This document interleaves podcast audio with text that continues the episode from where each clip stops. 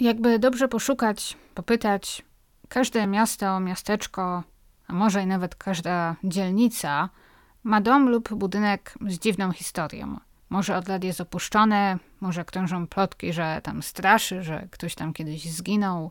I plotki te często okazują się być nieprawdziwe lub mocno naciągane.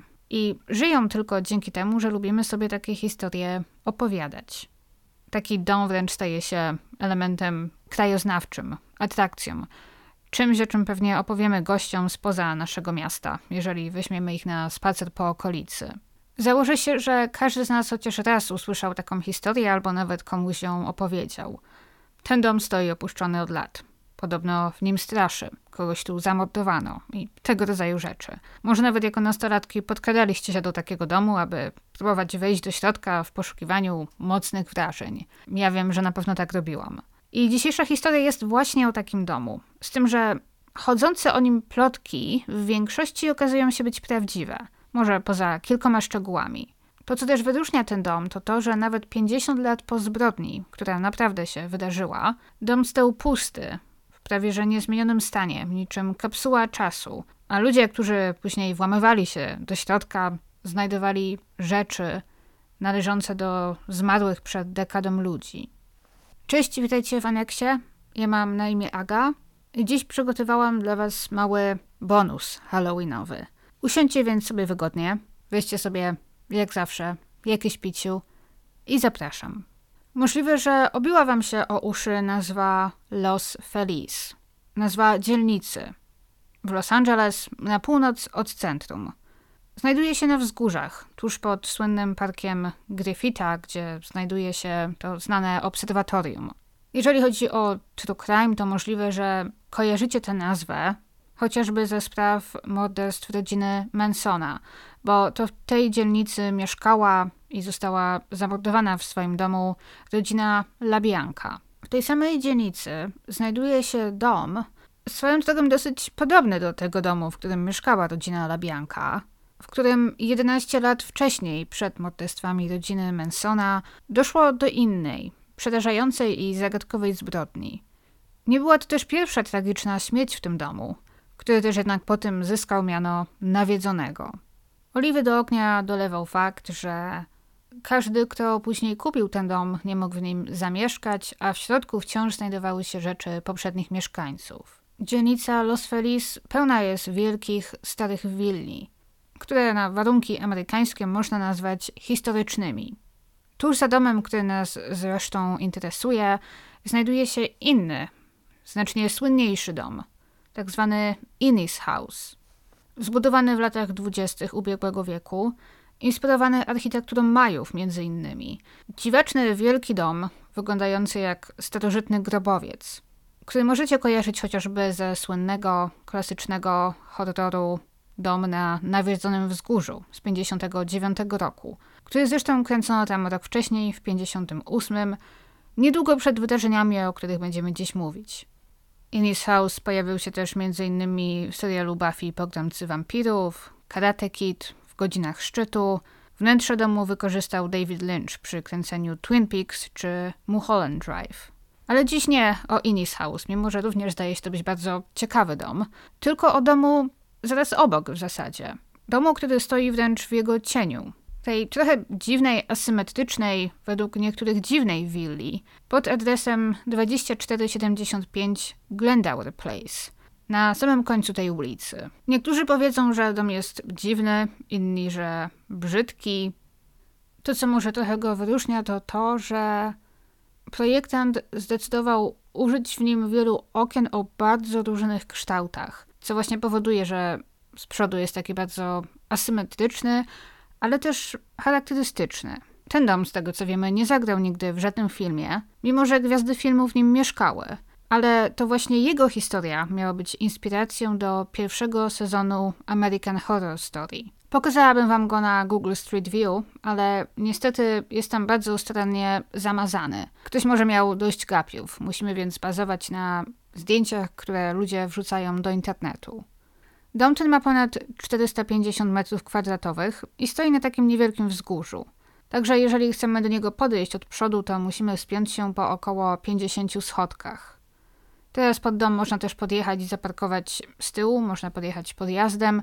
Innowacja stworzona przez jednych z poprzednich właścicieli, którzy mieli chyba dość spinania się pod górę codziennie. Jeżeli byliście kiedyś w Los Angeles czy w Stanach w ogóle, to może zauważyliście, że ludzie tam kochają podjeżdżać wszędzie samochodem pod same drzwi. Ten dom zbudowano w podobnym czasie co Innis House, bo w roku 1925.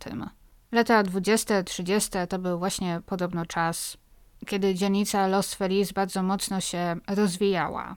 Został zbudowany dla małżeństwa nazwiskiem Schumacher.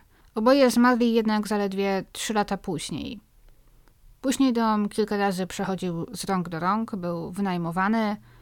O jego historii, o jego początkach jeszcze powiem trochę pod koniec, ale to, co nas teraz interesuje, to to, że w połowie lat 50. ubiegłego wieku kupiła go rodzina Perelson. Mimo, że niektórzy jej członkowie do dziś żyją, nie wiemy o nich za wiele. Wiemy, że głowa rodziny, Harold Perelson, urodził się w Nowym Jorku w roku 1909. Był synem imigrantów z ziem Rosji i Polski. Skończył medycynę i w którymś momencie, pewnie gdzieś po skończeniu studiów, przeniósł się na drugie wybrzeże kraju, do wtedy prężnie rozwijającego się Los Angeles.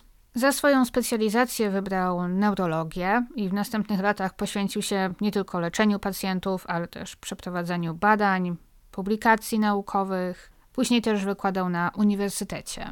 Był kimś, kto na pewno w niewielkim stopniu swoimi badaniami przyczynił się do rozwoju neurologii i do tego, czym jest ona teraz. Starał się nawet wprowadzić wiele innowacji. Zaprojektował m.in. taki nowy model strzykawki, która miała być bardziej wydajna i bezpieczna, zmniejszać ryzyko infekcji, na przykład po przypadaniu zastrzyku. Zainwestował nad później i podjął próbę opatentowania jej i planował sprzedać ten pomysł, ten projekt jakiemuś większemu koncernowi, ale nic z tego nie wyszło. To prawdopodobnie będzie jedną z rzeczy, która przyczyni się do jego problemów. Wiemy też, że w Los Angeles poznał Lillian Silver, która przeniosła się do Los Angeles z Ohio. O niej wiemy jeszcze mniej. Wiemy, że para prędko się pobrała. Wychowali razem trójkę dzieci: córki Judy, Debbie oraz syna Joela. Ponieważ zdaje się rodzinie powodziło się dobrze, przynajmniej na początku. Harold pracował jako lekarz, pisał artykuły naukowe, wykładał na uniwersytecie, zarabiał bardzo dobrze. Jedynie on pracował i mógł utrzymać całą rodzinę. Tak też w połowie lat 50. kupili wielki, piękny dom na wzgórzach Los Feliz. Dom, który miał pomieścić całą ich dużą rodzinę. Tak wprowadzili się do tego domu w Los Feliz przy Glendower Place. Jak już powiedziałam, nie wiadomo za wiele o ich życiu. Wielu rzeczy możemy się domyślać, niektóre można zgadywać, inne trochę wydedukowano z tego, co na przykład powiedzieli ich sąsiedzi czy znajomi z tamtych czasów, jak i na podstawie rzeczy, które rodzina po sobie zostawiła, ale do pewnego stopnia ta rodzina skojarzyła mi się ze sprawą rodziny journalista. Swoją drogą to też jest całkiem ciekawy odcinek, powiedzmy w takim halloweenowym klimacie. Odsyłam do tego odcinka, jeżeli ktoś go jeszcze nie słyszał. John List zamordował zimną krwią całą swoją rodzinę i uciekł. I przez wiele lat prowadził życie pod przybranym nazwiskiem. Powodem, dla którego zabił swoją rodzinę, było to, że doprowadził ich na skraj bankructwa i do końca utrzymywał to przed nimi w sekrecie. To znaczy, stracił pracę. Po tym, gdy wzięli na kredyt wielki, drogi dom. Przez bodajże około pół roku wychodził z domu, udając, że idzie do pracy i stwarzając pozory, że wszystko jest w porządku, mimo że po prostu siedział cały dzień na mieście, zabijając czas i po prostu udając, że pracuje, utrzymując pozory, ponieważ chyba nie mógł się przyznać przed swoją rodziną do porażki. Tutaj hitem też naprawdę było to, że on później próbował trochę zwalić to ich bankructwo na swoją żonę, mówiąc, że to ona była taka rozrzutna, że to ona naciskała na zakup tego domu, ale jednocześnie przez cały ten czas do końca utrzymywał swoją żonę w przekonaniu, że mają dużo pieniędzy.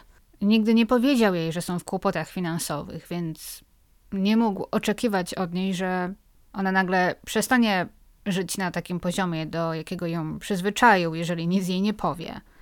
I tutaj miejsce ma coś podobnego, z tym, że zdaje się Lilian w tym wypadku miała trochę lepsze pojęcie o jej złej sytuacji. Wiemy, że Harold podjął serię złych decyzji w pewnym momencie. Właśnie gdy chodziło o opatentowanie tej strzykawki, którą zaprojektował, on zainwestował dużo pieniędzy, miał współpracować z mężczyzną, który miał mu pomóc stworzyć prototyp, przeprowadzić testy, sprzedać go i tak dalej, ale wszystko, co ten mężczyzna zrobił, to zabrał pieniądze Harolda i zniknął. Przez to rodzina straciła sporo oszczędności. To była jedna z rzeczy, która trochę podzieliła małżonków, ponieważ Harold zainwestował swoje pieniądze, jak i oszczędności Lilian, które tam mu powierzyła. I mimo, że później walczył w sądzie, aby odzyskać część pieniędzy, i coś tam odzyskał, sąd przyznał mu rację, to jednak ostatecznie podniósł większe koszty sądowe niż to wszystko było warte. Rodzina zaczęła więc popadać w długi. Duży dom do spłacenia, trójka dzieci i gdzie właśnie tutaj też Harold zdaje się insynuował na początku, że to jego żona była taka rozrzutna, on nie był wiele lepszy.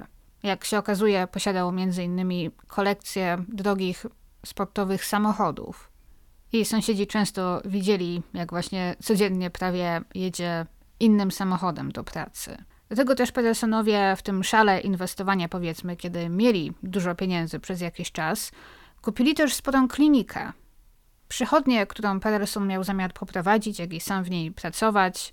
Za część zapłacili z góry, resztę wzięli na kredyt. To była inwestycja, która pewnie ostatecznie by im się zwróciła i przynosiła dochody, ale w tamtym momencie wpędzała ich tylko w coraz to większe długi. Do tego wszystkiego w listopadzie 1957 roku ich najstarsza córka, wtedy 16-letnia, Judy, miała wypadek samochodowy w momencie, gdy wiozła na tylnym siedzeniu dwójkę swojego młodszego rodzeństwa. Wszyscy przeżyli, ale wyszli z tego z obrażeniami i potrzebowali później długiego leczenia. Pedersen pozwał osobę, która spowodowała wypadek. Pozwał na całkiem dużą sumę.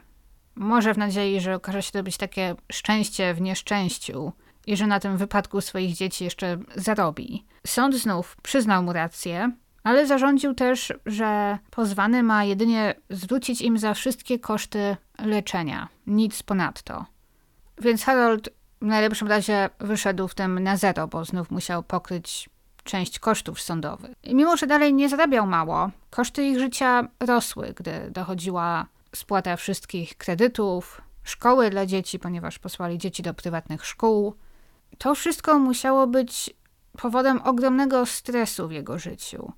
Tutaj właśnie trochę spekuluję, ale zdaje się, że właśnie z jednej strony Pedersonowie próbowali prowadzić takie życie, wiecie, ludzi, którym się udało, którzy się wzbogacili, ale jednocześnie, aby sprawiać takie wrażenie, popadali w coraz to większe długi. Mimo, że znowu, w przeciwieństwie do journalista, Harold Patterson nigdy nie stracił pracy i dalej dobrze zarabiał, ale apetyt rośnie w miarę jedzenia. Im więcej mieli, tym więcej chcieli. Podcast o tytule The Los Feliz Murder Mansion, który wyszedł bodajże dwa lata temu i który na początku miał być dokumentem, ale w końcu przerodził się w podcast, jego twórcy odkryli też wiele ciekawych rzeczy. Między innymi to, że Harold Patterson pod koniec swojego życia spędził trochę czasu w szpitalu psychiatrycznym. Grzebiąc w papierach, które rodzina po sobie zostawiła, znaleźli m.in. rachunek za jego ośmiodniowy pobyt w takim szpitalu w sierpniu 1958 roku, czyli trochę ponad rok przed morderstwami.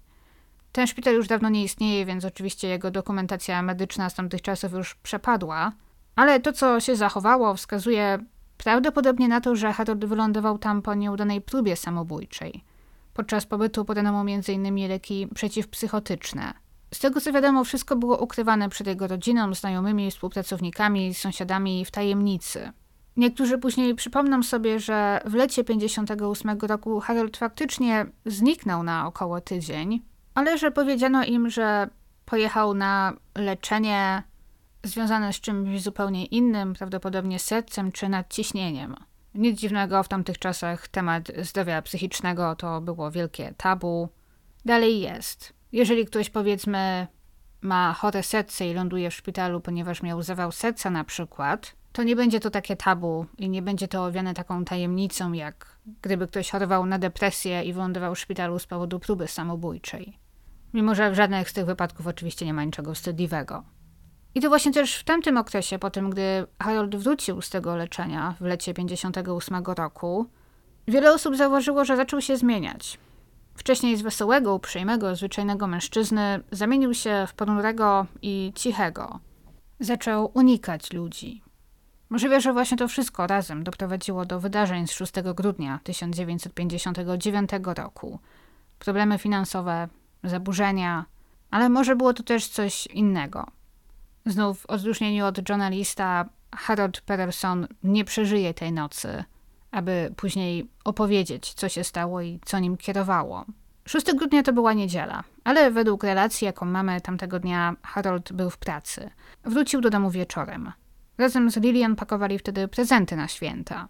To, co wydarzyło się dalej, wiemy głównie z relacji w gazetach z tamtych czasów. Są członkowie rodziny, którzy przeżyli, którzy wtedy zrelacjonowali, co się stało, ale jednocześnie biorąc pod uwagę, że gazety, w szczególności wtedy, które donosiły o różnych wydarzeniach na bieżąco, często na początku mieszały fakty, nie wszystko zawsze było zgodne z prawdą. W tym wypadku jednak osoby, które przeżyły, nigdy nie sprecyzowały, nie powiedziały publicznie, co dokładnie się wydarzyło.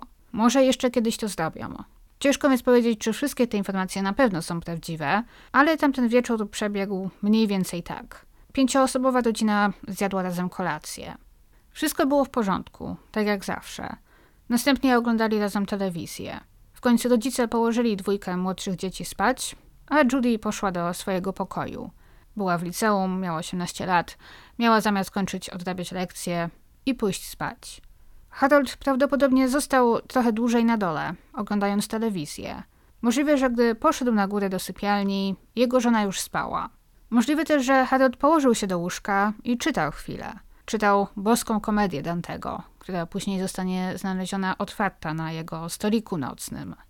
Nie wiemy, czy czytał całą noc, czy czuwał całą noc, a może poszedł spać, bo nic nie wydarzyło się aż do piątej rano. Bardzo możliwe, że Harold poszedł spać i nagle się obudził, po czym wstał. W sumie jestem zaskoczona, że nikt nie zasugerował, że do tego mogło nawet dojść w wyniku lunatykowania. Pewnie tak nie było. Ale tak ta historia jest przedstawiana. Harold położył się spać, po czym nagle obudził się. O piątej rano wstał z łóżka, zszedł na dół do piwnicy, wziął stamtąd młotek, po czym wrócił na górę i zaatakował śpiącą i niczego nie spodziewającą się żonę. Lilian zostanie później znaleziona w swoim łóżku. Leżała na brzuchu. Została uderzona młotkiem kilka razy w tył głowy, co prawdopodobnie od razu doprowadziło do utraty przytomności, ale nie zabiło jej od razu. Śmierć przyszła dopiero w ciągu kolejnych kilku minut. Za przyczynę śmierci uznano uduszenie, dokładniej zadławienie się własną krwią. Z tego powodu też Lilian prawdopodobnie nigdy nie wydała nawet cichego krzyku, gdy została uderzona. Nikt więc w domu prawdopodobnie nie obudził się. Nikt niczego nie usłyszał. Cały dom dalej spał. Następnie Harold wszedł do łazienki. Była to łazienka, która przylegała do ich sypialni, ale miała też drugie drzwi, które prowadziły prosto do pokoju ich najstarszej córki. Rodzice i Judy dzielili wspólnie łazienkę. Przeszedł tamtędy, stanął nad śpiącą Judy i najwyraźniej planował zrobić to samo, co zrobił z Lillian. Zamachnął się, ale nie trafił, tak jak celował. Młotek ześlizgnął się i uderzył Judy w bok głowy. To spowodowało pęknięcie czaszki i ogromny ból, ale nie utratę przytomności. Na szczęście dla Judy, bo dziewczyna od razu obudziła się i zaczęła krzyczeć. Przypuszczam, że w ciemności nawet na początku nie poznała swojego ojca. Możliwe, że sądziła, że ktoś łamał się do domu i ją zaatakował. Zaczęła krzyczeć. Krzyki te usłyszeli sąsiedzi. Oraz oczywiście usłyszała to dwójka najmłodszych dzieci w swoich pokojach, która zerwała się na równe nogi, aby zobaczyć, co się dzieje. Harold przerwał atak na Judy i wyszedł na korytarz, aby uspokoić Debbie i Joela. Wracajcie do łóżek, powiedział im. To tylko zły sen. Zaprowadził nawet przerażone dzieci do swoich pokoi. Te robiły to, co im kazał, i Debbie i Joel musieli być naprawdę przerażeni. Mieli wtedy po 11 i 13 lat, więc byli na tyle dorośli, aby rozumieć, że dzieje się coś złego, ale pewnie też nie wiedzieli, co się dzieje. Nagle w nocy obudził ich krzyk, po czym zobaczyli swojego ojca pokrytego krwią. Nie wiedzieli, czy to ich ojciec zrobił komuś krzywdę, czy ich ojciec został zaatakowany, dlaczego mają wracać do łóżek, a nie uciekać. To wszystko wydarzyło się mniej więcej naraz w tym samym momencie po tym, gdy Judy została uderzona w głowę. Wyskoczyła wręcz z łóżka i z krzykiem uciekła z pokoju. Udało jej się wybiec z domu. Biegła na oślep, po pomoc. Sąsiedzi powiedzą później, że słyszeli jej krzyki. Nie zabijaj mnie, krzyczała. Judy pobiegła do najbliższego domu. Tam mieszkała kobieta, która ją znała. Nawet pracowała jako niania i zajmowała się dwójką młodszych dzieci tej rodziny. Obudziły ją krzyki i walenie w drzwi. Wyjrzała przez okno i zobaczyła, że przed jej domem stoi ktoś krzycząc, z zakrwawioną twarzą. Przez to też nie rozpoznała w ogóle Judy. Była wystraszona i nie wiedziała, co robić. Bała się otworzyć drzwi, sądząc, że to jakaś zasadzka. Judy w końcu pobiegła do domu obok i tam sąsiedzi otworzyli jej drzwi i wezwali policję. Z tego co wiemy, Harold nigdy nie pobiegł za Judy. Pozwolił jej wręcz uciec z domu. I mimo, że został z Debbie i z Joelem sam i zapewne miał sposobność, aby zabić dwójkę młodszych dzieci, nie zrobił tego. To najwyraźniej nie było w jego planach. Po tym, gdy ojciec zaprowadził każdy z nich do pokoi i zostawił, prawdopodobnie wrócił do swojej sypialni albo do pokoju Judy. Wtedy też Debbie i Joel uciekli z domu. W progu spotkali się z sąsiadami, którzy przybiegli, aby zobaczyć, co się dzieje. Weszli do środka i na szczycie schodów zobaczyli Harolda, krążącego po korytarzu. Spojrzał na nich i z zupełnym spokojem powiedział: Dajcie mi spokój, idźcie stąd. W takim tonie, jakby nie działo się nic złego, jakby właśnie nie zabił żony i nie próbował zabić córki. Jakby po prostu był nimi zirytowany. Mężczyźni wycofali się. Policja została wezwana. Harold wydawał się być nieobliczalny, więc nie chcieli podchodzić bliżej. Gdy policja przybyła na miejsce, znaleźli Harolda w pokoju swojej córki. Był nieprzytomny, ale jeszcze żył. Tuż obok jego ciała leżał młotek. Harold zmarł w ciągu kolejnych minut. W łazience znaleziono kilka pustych kapsułek po jakimś leku. Jak się później okaże, po barbituranach, czyli wtedy często używanych środkach nasennych. Harold był lekarzem, więc może nie ma nic dziwnego w tym, że wiedział, jak popełnić samobójstwo. Wiedział, jaką śmiertelną dawkę przyjąć, aby zabiła go praktycznie od razu. Zmarł w ciągu pół godziny, nie odzyskawszy przytomności. Debbie i Joel uciekli. Judy również przeżyła atak. Zginęli tylko Lilian i Harold. I tak trójka dzieci została osierocona. Dom, samochody, wszystko co rodzina miała zostało sprzedane, aby opłacić ich długi, a dzieci zostały zabrane do krewnych na wschodnim wybrzeżu. Przypuszczam gdzieś do Nowego Jorku, bo tam żyła rodzina Harolda. I z tego co wiemy, żyją tam do dziś. Cała trójka żyje do dziś. Ale nie chcą rozmawiać o tamtej nocy, nigdy publicznie się o tym nie wypowiedzieli i nie można im się dziwić. Chcą być zostawieni w spokoju. Co dokładnie kierowało Haroldem tamtej nocy, chyba na zawsze pozostanie tajemnicą. Nie zostawił nigdy żadnego listu wyjaśniającego, co nim kierowało. Możemy jedynie zgadywać. Wiele wskazuje na to, że Harold próbował przynajmniej raz wcześniej odebrać sobie życie, więc może fakt, że to zrobił tak nie dziwi, ale dlaczego zabił też żonę i zabił swoją najstarszą córkę, ale nie dwójkę swoich najmłodszych dzieci?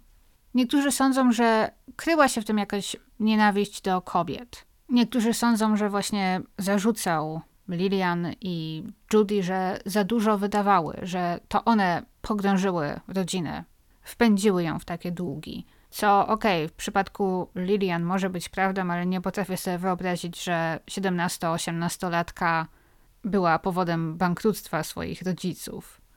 Nie sposób powiedzieć, co Harold Patterson myślał tamtej nocy, czy w ostatnich dniach swojego życia. Czy było to coś, co planował od jakiegoś czasu, o czym rozmyślał przez jakiś czas? Bo nie potrafię sobie wyobrazić, że od tak wstał i zabił swoją rodzinę nie myśląc o tym wcześniej nawet przez chwilę. Była to oczywiście okropna zbrodnia, straszna zbrodnia. Oboje i Lilian i Harold zginęli okrutną, drastyczną śmiercią. Judy ledwo uszła z życiem i jak się okazuje, nie była to pierwsza śmierć w tym domu. Powiedziałam wcześniej, że pierwszymi mieszkańcami tego domu, którzy również go zbudowali, byli Henry i Florence Schumacherowie. którzy mieszkali tam jedynie 3 lata. Oboje zmarli w tym domu w roku 1928. Zmarli jedynie miesiąc po sobie. Najpierw zmarła Florence, miała jedynie 41 lat. Za przyczynę śmierci uznano infekcję bakteryjną. Jej mąż, 40-letni, zmarł zaledwie miesiąc po niej, jak uznano na zapalenie płuc. Ktoś może powiedzieć, że ten dom okazał się być dla nich pechowy i nie tylko dla nich, jak pokaże historia, że był pechowy, że został, nie wiem, zbudowany na przeklętych ziemiach. Można iść w tym kierunku. To właśnie to zainspirowało pierwszy sezon American Horror Story. Każdy, kto wprowadza się do domu, ginie, spotykają go najgorsze rzeczy, a później zostaje w tym domu jako duch. Ale też trzeba pamiętać, że w tamtych czasach ludzie umierali częściej z powodów różnych chorób, na które teraz umieramy znacznie rzadziej. Plus wtedy też ludzie częściej umierali w domach. Znacznie częściej niż teraz, gdzie teraz zwykle ma to miejsce w szpitalu. Po ich śmierci dom na przemian stał pusty i był wynajmowany.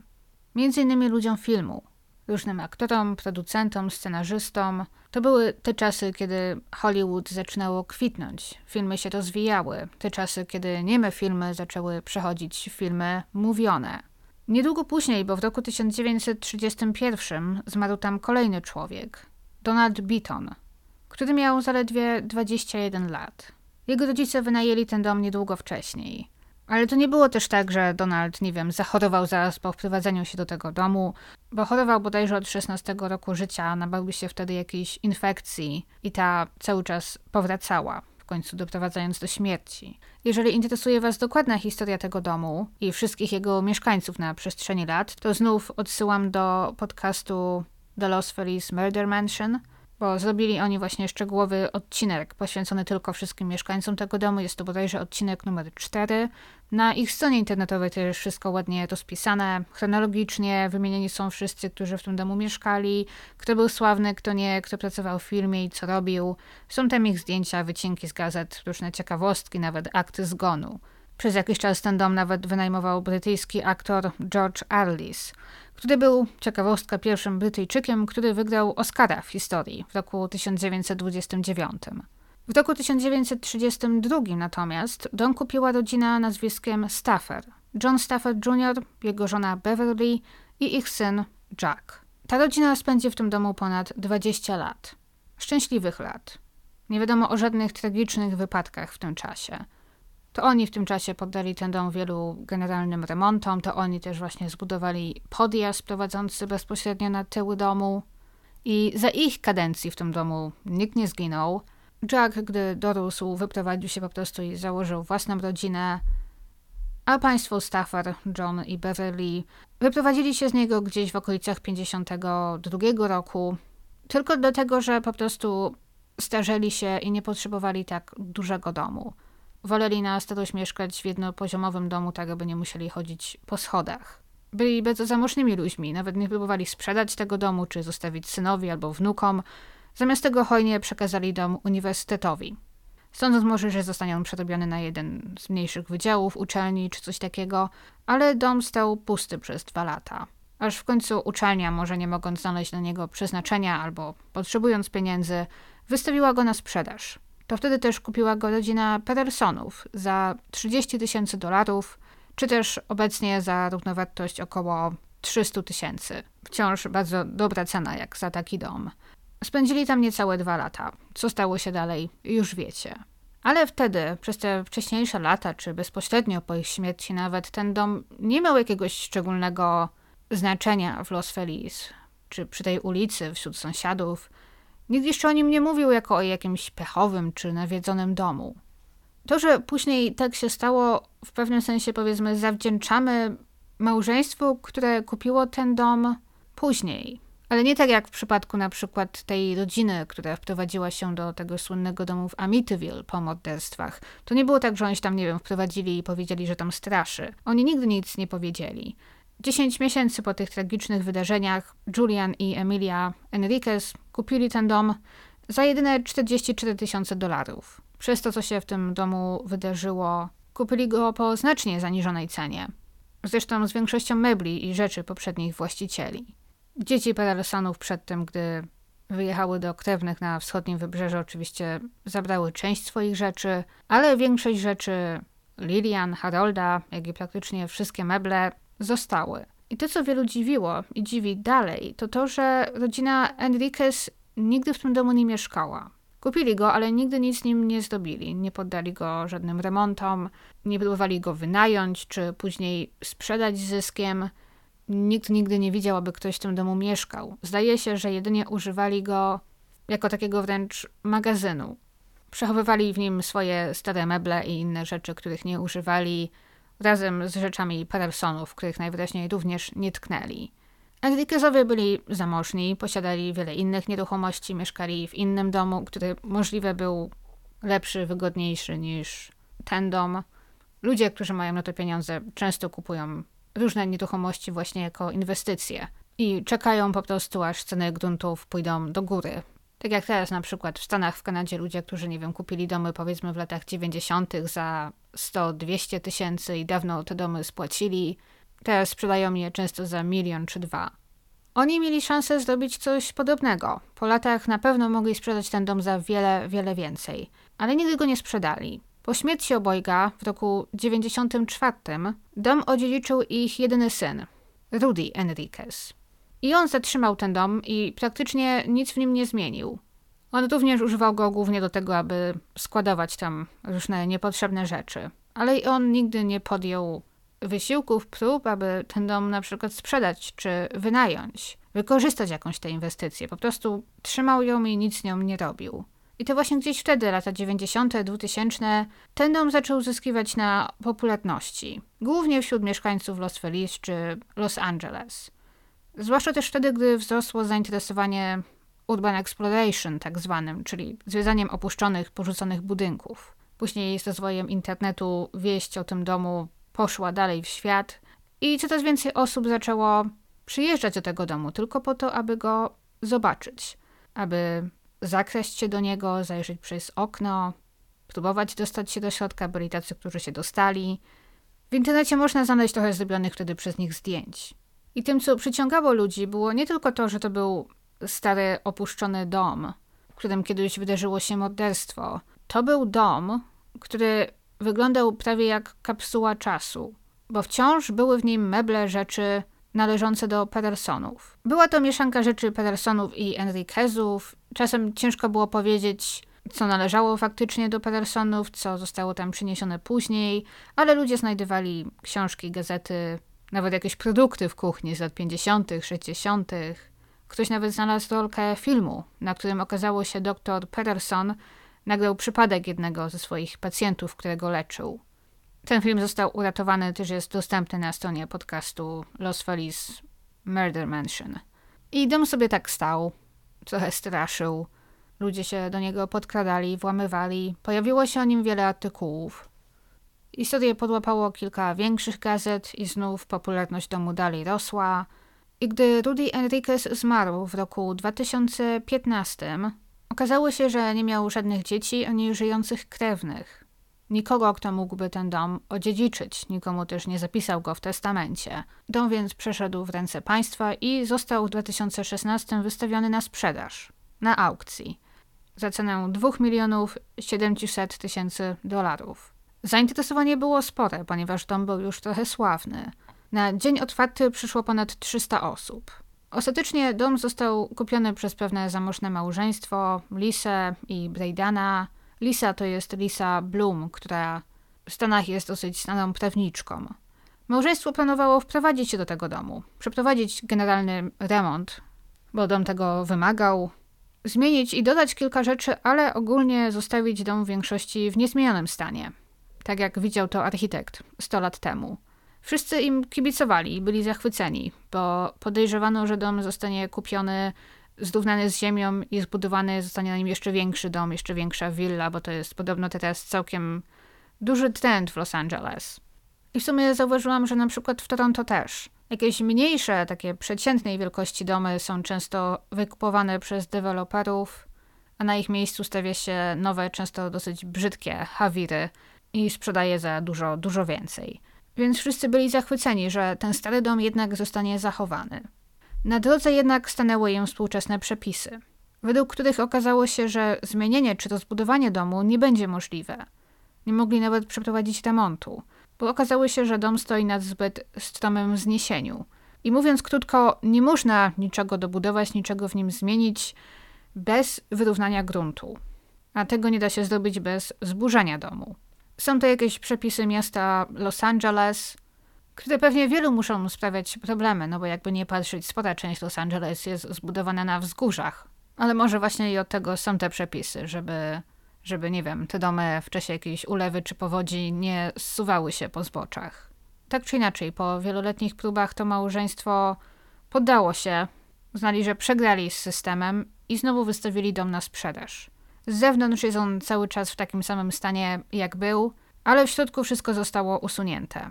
Na początku, gdy byli zapaleni do remontu i nie wiedzieli jeszcze, że nie uda im się tego domu wyremontować, wszystko zostało usunięte, są tam, wiecie, wyrwane podłogi, gołe ściany. Dom jest w takim stanie surowym, chyba się mówi.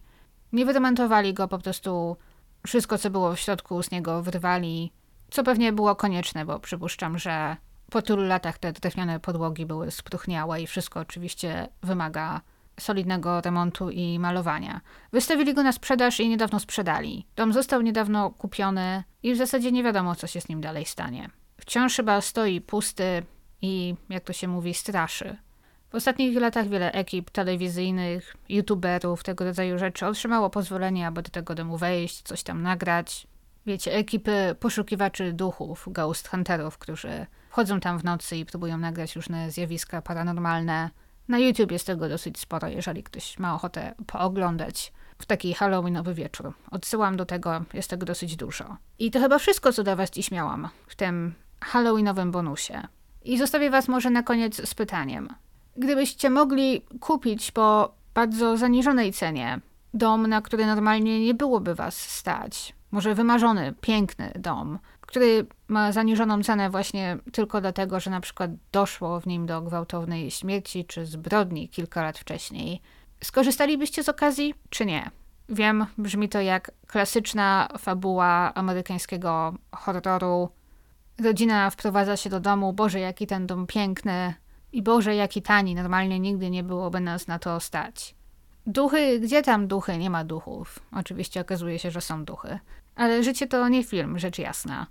Ja osobiście przy obecnym stanie ekonomii, jeżeli kiedykolwiek było mnie stać na mieszkanie, bo nawet o domu nie mówię, to biorę wszystko, nieważne co się tam wydarzyło. Jeżeli w moim przyszłym domu czy mieszkaniu mają być jakieś duchy, to niech lepiej dokładają się do rachunków. Wszystko poszło w górę, nie ma mieszkania za darmo.